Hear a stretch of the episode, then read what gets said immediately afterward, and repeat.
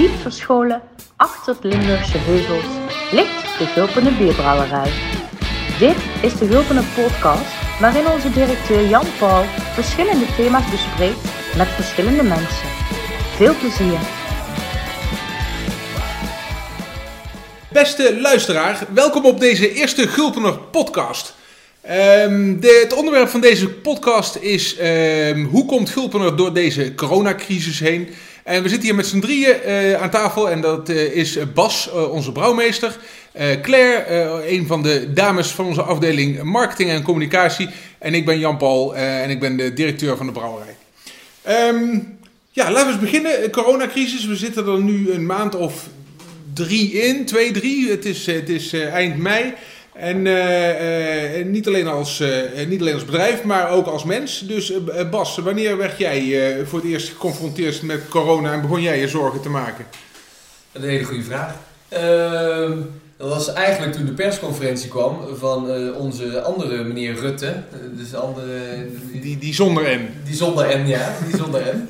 En uh, ik denk van, oh nee, dit kan toch niet? Ik geloof het gewoon in eerste instantie niet. Horeca dicht, alles dicht. Ik denk van, oh, maar heel mijn leven staat stil. Ik denk, ik kan niet meer naar de sportschool. Ik kan geen glas bier meer op het terras drinken. Ik denk van, de hele wereld vergaat gewoon. We houden er gewoon mee op met z'n allen. Ja, ik denk van, dit, dit, dit, dit gebeurt niet. Het was half uh, maart. 5, 15 maart volgens mij was dat uh, op, ja. op een zondagavond. En vanaf die, of zondagmiddag en vanaf die avond ja. moest inderdaad alle horeca dicht.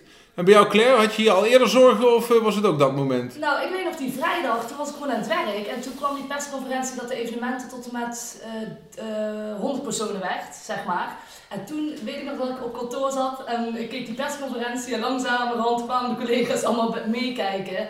En toen dacht ik al, wow, dit wordt heftig, dit wordt heel heftig. En uh, die zondag, toen de horeca dicht ging, ja, toen, toen was het wel duidelijk dat het heel serieus werd, zeg maar. Ja, ja. ja. Ja, bij mezelf is dat eigenlijk, eigenlijk is dat redelijk laat. Hè? Want toen hadden we echt al wel de eerste doden in het land en zo te pakken. En uh, een hele hoop ellende in Brabant, in de ziekenhuizen al. En eigenlijk uh, heb ik bij mezelf ook al beseft dat, ik het, dat het voor mij persoonlijk pas veel in een, in een heel laat stadium echt, uh, echt, echt serieus werd, zou ik maar zeggen. En inderdaad rond die periode dat, dat, dat, dat de boel echt dicht moest. Wat gek is als je terugkijkt, want eigenlijk was daarvoor was er ook al heel wat los. Alleen toen nou, had ik zelf nog het gevoel, nou, dat, dat zal wel loslopen of ja. zo. Maar toen was het wel heel duidelijk. Hey, um, voor de brouwerij is toen natuurlijk ook uh, alles op zijn kop gaan staan. Uh, want uh, we zijn een, een, brouwerij met een duidelijke focus op horeca. Meer dan de helft van ons volume gaat naar horeca. En, en, en, dat betekende dat we eigenlijk van de ene op de andere dag dat volume ook volledig kwijt waren. waren. En, en dat heeft natuurlijk een extreem grote impact op ons bedrijf. Voor de mensen die ons bedrijf nog nooit bezocht hebben, we, zijn een MKB-bedrijf met ongeveer 60 medewerkers en we maken een 16, 17, 18 soorten bier. Uh, en, en, daarmee produceren we ongeveer 1% van de Nederlandse biermarkt. Dus het is allemaal heel, heel overzichtelijk bij ons. Maar opeens waren we dus meer dan de helft van ons biervolume kwijt. Um, en, en, en, en ja, daarmee stond op maandagochtend stond dus de brouwketel stil en werd er niet meer gebrouwen. En uh, hoe, hoe is dat in de afdeling productie eigenlijk precies uh, geland? Wat gebeurde er de, na die persconferentie, Bas? Jij zat er het dichtst bij. Ja, in ieder geval twee weken voordat toen alles sloot, toen dachten we van, oh nou misschien moeten we toch stiekem rekening houden met productie, wat minder gaan brouwen en eens even kijken wat de horeca doet. En toen uiteindelijk de horeca sloot, toen dachten we oké, we moeten nu echt de knip erop en gewoon niet meer produceren. Maar het punt in de brouwerij is, het is een doorlopend proces. Je brouwt iets, je gaat het vergisten, je gaat het lageren en afvullen. En dat proces dat loopt aan één zijde. Dus als je één ding van de keten tussenuit haalt en niet meer doet, dan staat de rest stil, zowel de achterkant als de voorkant. Ja. Dus uh, bij ons was het een beetje onwerkelijk allemaal, omdat we natuurlijk gewend zijn om volledig te produceren, om te brouwen. En we kregen natuurlijk ook heel veel vragen van onze medewerkers, van onze brouwers. En uh, die probeerden we allemaal natuurlijk zo goed als mogelijk te beantwoorden. Maar wel meteen gewoon de maatregelen in acht nemen en uh, het zo goed als mogelijk proberen op te lossen met z'n allen. Ja, ja, ja echt, het, het, het, het, was echt een, uh, geen stille revolutie, maar echt nee. een soort van acute uh, Het was meteen een lockdown, ja. lockdown voor de brouwketen. Ja, ja, ging letterlijk op slot. ja, ik denk dat dat, uh, dat, dat, dat, we hebben als brouwerij, we zijn, wat is het, bijna 200 jaar oud. We hebben natuurlijk redelijk wat oorlogen en crisis meegemaakt. Maar ik denk dat dit wel de, de meest acute crisis is die we, die we ooit over ons heen hebben gehad. Uh, en we hebben ook echt een aantal weken niet gebrouwen, hè? Om, uh, om überhaupt... Uh, ja. we speelden natuurlijk mee dat we ook een enorme voorraad hadden opgebouwd. Omdat we eigenlijk aan de vooravond stonden om ons nieuwe brouwhuis in gebruik te nemen. We zijn een nieuw brouwhuis aan het bouwen. Het meest duurzame brouwhuis van Europa. En uh, we stonden uh, een paar weken voor het moment dat dat brouwhuis moest gaan in gebruik moest worden genomen. Dus we hadden al een aantal maanden een enorme voorraad opgebouwd om onszelf wat, wat ruimte te geven in de productie om dat brouwhuis goed in gebruik te kunnen nemen. Dus eigenlijk uh, was het wel een hele vreemde samenloop van omstandigheden. Uh, dat, en dat nieuwe brouwhuisproject, waar we dus al meer dan drie jaar mee bezig zijn, dat, dat stond vanaf dat moment eigenlijk ook stil. Want die teams moesten naar het buitenland uh, terug, die kwamen uit het buitenland, die mochten niet meer hier blijven. En, uh, en eigenlijk zijn we daar drie weken voordat we dat brouwhuis in gebruik zouden gaan nemen, zijn we daar gestruikeld met onze neus op de finish. Uh, een heel pijnlijk proces, uh, uh, want iedereen zat in een volledige focus om, om een paar weken later dat brouwhuis op te starten. Wat echt wel een van de grootste investeringen uit onze geschiedenis is. Ehm, misschien wel leuk, even een klein zijstapje vanuit de corona. Bas, jij bent ook bij het brouwhuis betrokken. Wat is er vooral zo duurzaam aan het brouwhuis? Er zijn een aantal dingen heel duurzaam. ten eerste hebben we een heel, hele mooie techniek uh, dat heet de Mura-filter, dat is een meshfilter. Normaal heb je een, een, een, een filterkuip en dan ga je granen kwetsen, de schroten. En niet, niet, niet gedetailleerd, we, gaan hier nog, we gaan hier nog een hele podcast aan wijden. Maar... Oké, okay, in ieder geval kort gezegd, we kunnen hele mooie oude oergranen kunnen we gaan verwerken. We kunnen uh, ongemouten granen, dus dat heeft allemaal energie, uh, levert het op. En we gaan niet meer koken. En dat klinkt heel gek voor als je een thuisbrouwer bent, of als je weet hoe brouw in elkaar zit. Normaal moet je je bord gaan koken. En nu hebben we een stripper, een eco-stripper, zeg ik er even voor, niet een uh, andere stripper. misschien bij de opening van de brouwzaal, je weet het nooit. Combineren. Uh, idee misschien. Um, en uh, die hele techniek, een bepaalde manier van opwarmen van het hele beslag en de wort, wordt door warmtepompen gegenereerd. Dat gaat pas later, dat is dus nu ook uitgesteld. maar we gaan dus niet meer koken en dan krijg je een enorme reductie van je, van je energie. Ja, dus het hele brouwhuis is echt helemaal gedesigned op, op zo min mogelijk energiegebruik. Hè? En uh, de, die ecostrippers daar een hele belangrijk onderdeel van. En uiteindelijk, volgens mij ten opzichte van ons huidige brouwhuis, gaan we 75% minder energie gebruiken. Wat ja. echt wel uh, uh, een hele extreme stap is. Maar goed, daar komen we later in een andere podcast nog een keer op terug. We hadden het over, over corona. Um, ja, Claire, jij, jij bent van de marketing en de communicatie. Samen met Maartje doe je dat. Uh, en um, wat, ging er, wat, wat ontstond er bij jullie uh, de, op die maandag dat, dat er niks meer mocht? Nou, eerst kreeg ik persoonlijk een beetje paniek. Ik denk, kak, dat ik het werk op heb ik gewoon niks meer te doen. Al heel snel gingen wij in een andere modus. En dat was eigenlijk, wat kunnen we nog wel doen? En daarmee zijn we heel erg mee aan de slag gegaan om wat online activiteiten op te zetten voor het brouwlokaal. Um, en ook onze webshop wat meer in de kijk te zetten. Omdat we daar gewoon superleuke bieren hebben. En ook onze microbieren zijn daar verkrijgbaar. Om die daar te kunnen aanbieden. Zodat mensen in ieder geval nog uh, kunnen genieten ook van onze bieren. Naast de retail natuurlijk. Um, ja, heel erg zonde is natuurlijk al de campagnes die je gepland hebt voor het jaar. En um, een aantal nieuwe bieren die wellicht wat later komen dan gepland. Um, maar uh, ik denk dat wij nu in ieder geval een beetje op de creatieve tour zijn. Uh, om te kijken wat we inderdaad nog wel gewoon kunnen. En, uh, ja. Ja. ja. en jullie hebben ook iedere week een online activiteit ge, de, de eter in geslingerd. Hè? Ja, ja. Wat voor activiteiten zijn dat geweest? Nou, het zijn eigenlijk quizzen geweest. We hebben vintage proeverij gedaan. Dus uh, heeft een smaakkelder met hoeveel, ja, in ieder geval een heleboel stijlen bier. En uh, dan kon jij het pakket kopen en dan kon jij uh, met Bas en Yves online de bieren proeven. Superleuk. Uh, we hebben een bingo gedaan. we hebben een livestream gedaan over het nieuwe brouwhuis. Die is nog te bekijken trouwens als je interesse hebt. En ook een, een, een rondleiding gedaan, een live rondleiding op plekken um, waar je eigenlijk normaal niet komt, zeg maar. Want de brouwerij heeft een heleboel oude, super vette plekken. De duistere, de duistere. krochten van ons, van ons bedrijf. Nee, maar het zijn super gave plekken en uh, die hebben we met een livestream ook uh, laten zien. Ja, super gaaf. Waar, waar is dat toch terug te vinden als mensen geïnteresseerd zijn? Op de Facebookpagina. Je moet wel denk ik even iets terug naar onder scrollen of gewoon direct even bij video's kijken op de Facebookpagina. En dan uh, kun je die gewoon zien. Oké. Okay, ja. en, en, als je iets op de webshop wilt bestellen, waar moet je dan naartoe? dan kan je op al heel goed ja, ja, ja, ja, iets met webshop. Punt. Webshop.gulpenaar.nl Webshop.gulpenaar.nl Ja, ja. Oké. Eén, eentje was ik ook nog bij. Hebben we in Utrecht ook een hele Oh, toffe ja, ja. livestream gedaan. Hè? Met eh, vier, vijf eh kraftbrouwers hadden we een- gezamenlijk een doos samengesteld. Met, met ja, verse bieren, maar ook met bewaarbieren. En dan kon je je eigen je, je bierkelder mee vullen. Eh, ook met de gedachte dat je daarmee de andere kraftbrouwers ondersteunt. Want kraftbrouwers hebben het echt moeilijk in deze tijd. Ze zijn het grootste deel van hun omzet kwijt. Eh, ondersteund door hun bieren te kopen en, eh, en ze daarmee wat omzet te gunnen. Daar hebben we een hele leuke livestream ook gedaan met al die brouwers tussen de ketels bij Van der Streek in Utrecht. Daar waren we ook met z'n drieën bij. En dat was, was ook een hele toffe sessie. Ja. Ehm, en eh, ik, ik, eh, ik was onder de indruk, moet ik zeggen, van alle creativiteit die langs is gekomen vanuit de marketing en communicatie. Eh, ook heel leuk te zien dat de webshop, die een beetje slapend was bij ons, eh, echt eh, eh, springlevend eh, is geworden en, eh, en een hele toffe bijdrage levert. Enerzijds om mensen onze producten alsnog te kunnen eh, laten proeven, maar ook ter ondersteuning van, die, van al die activiteiten die we gedaan hebben. En eh, wat heel fijn is voor de brouwerij, is dat we daar weer een beetje mee, eh, omzet mee gegenereerd Ja. hebben. Is dat ten opzichte van het verlies van de horeca natuurlijk een druppel op een gloeiende plaat. Maar alle kleine beetjes zijn in deze tijden meer dan welkom. Dus eh, dat is heel, heel gaaf gedaan. eh, erg leuke activiteiten. Komt er binnenkort nog iets eh, aan? Ja, we hebben, ik weet niet wanneer deze podcast wordt uitgezonden, maar we hebben vrijdag nog een vintage proeverij. Dat is morgen voor nu. Oh, dat zal misschien wat laat zijn. Ja, dat denk ik ook. het is nu de 28e, Ja, 28 ja. mei. Dus, eh, maar je kunt hem terugkijken, Je toch? kunt hem zeker terugkijken. Zou ik zeker doen. Dan zie je mij in het echt namelijk. Ja, En Yves eh, Ja. is het ook bij.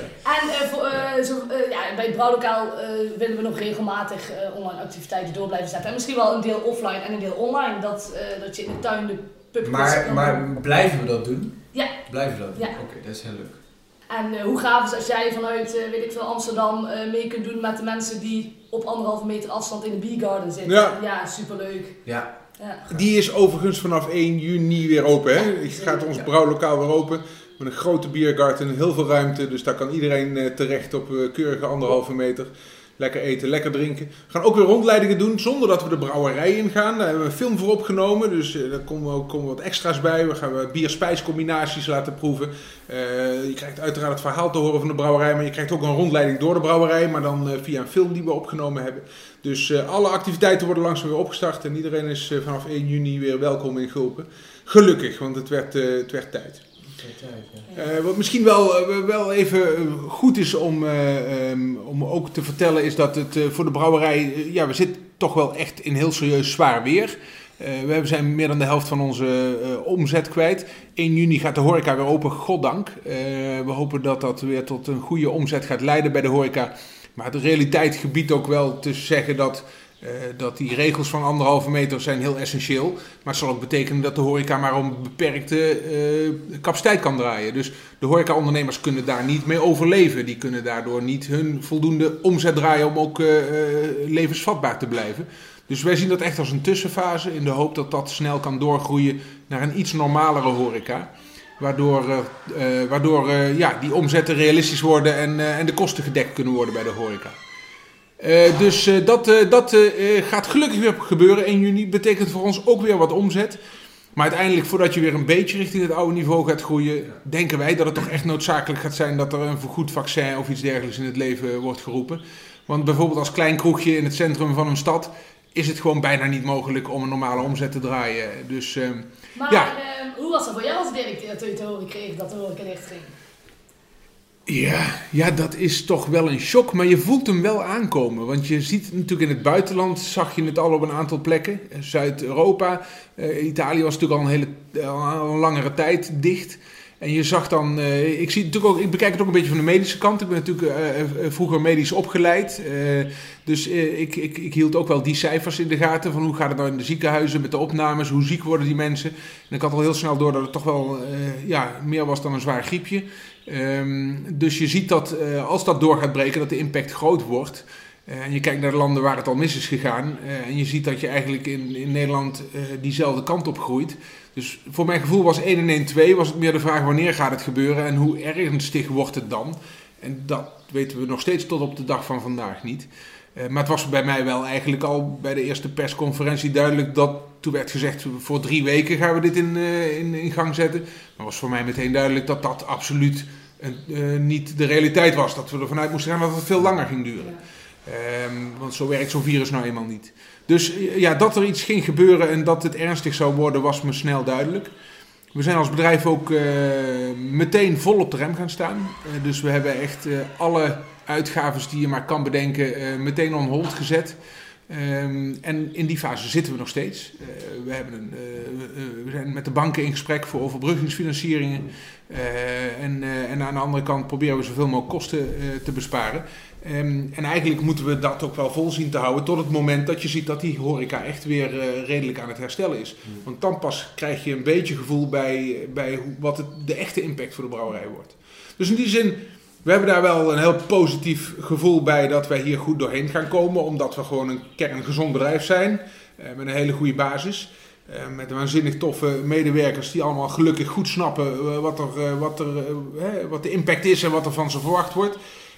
Um, maar aan de andere kant ja, wordt die impact ook pas gaandeweg. Het proces heel duidelijk en, en, kun je pas de echte inschattingen gaan maken misschien aan het eind van dit jaar.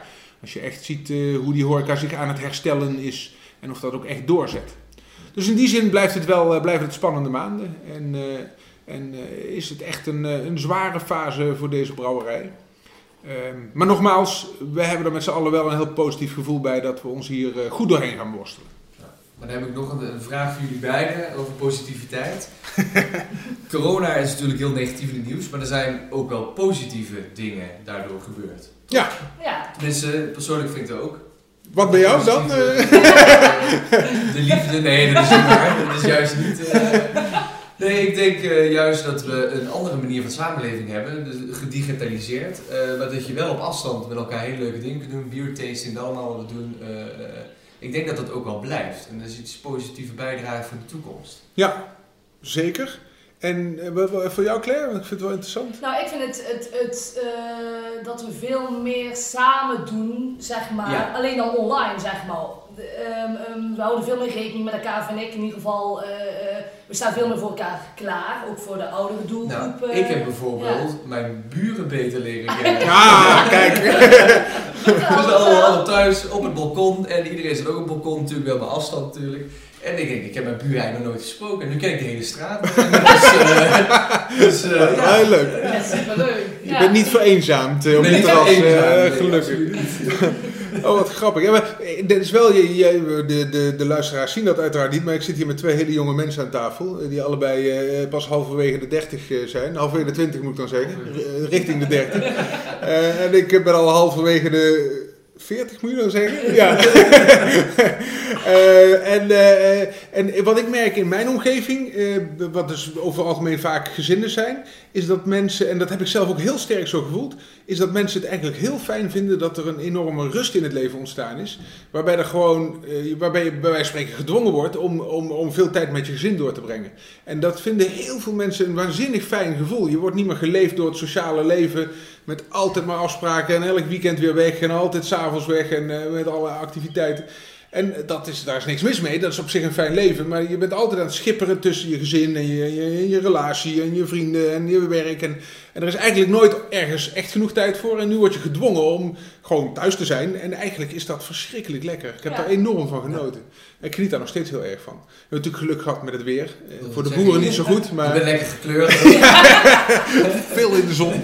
Uh, maar daar heb ik echt, dat was voor mij echt wel een eye-opener. Wat voor een rust dat eigenlijk in je leven geeft. Ja, eens. Dat heb ik in mijn omgeving wel veel teruggehoord. Um, ik, uh, ik, ik, ik, ik vind dit wel een uh, uh, heel, heel tof gesprek. Ik heb, ik heb jullie nu alweer beter leren kennen. Um, ik kan me voorstellen dat dit vragen oproept. Die kunnen jullie uiteraard stellen. Zet ze even op de info-mail, info.gulpener.nl. Ja. Of op Instagram of Facebook. Facebook, Instagram. Dan komen ze bij Claire of bij Maartje terecht. En dan kunnen we ze in een volgende podcast kunnen we ze meenemen. Dus um, ja, vind ons, vind onze podcasts. Waar zijn ze te vinden? Is dat al duidelijk? Spotify. Spotify, we weten Spotify en je favoriete podcast app, denk ik. Ja, ja, zeker, zeker. Sowieso, dus naar ja. keuze kun je hem hij uitzoeken. Is, hij is goed vindbaar dadelijk. Ook nog via Facebook misschien? We kunnen hem online zetten, kan. Maar Webshop, website. We spammen alles online. Ja, ja, je, je, je komt hem tegen, Ja. maak ik je zorgen. En uh, luister eens af, dit is de eerste pas. Er gaan er nog heel veel volgen. We hebben heel veel onderwerpen gevonden die we graag met jullie delen. En uh, mocht je zelf een leuk onderwerp hebben, gooi ook die op de mail. Uh, en, en dan zien we die ook tegemoet. En we gaan elkaar nog vaak luisteren. Dus dank voor jullie aandacht. Heel tof dat jullie er waren. En tot een volgende podcast.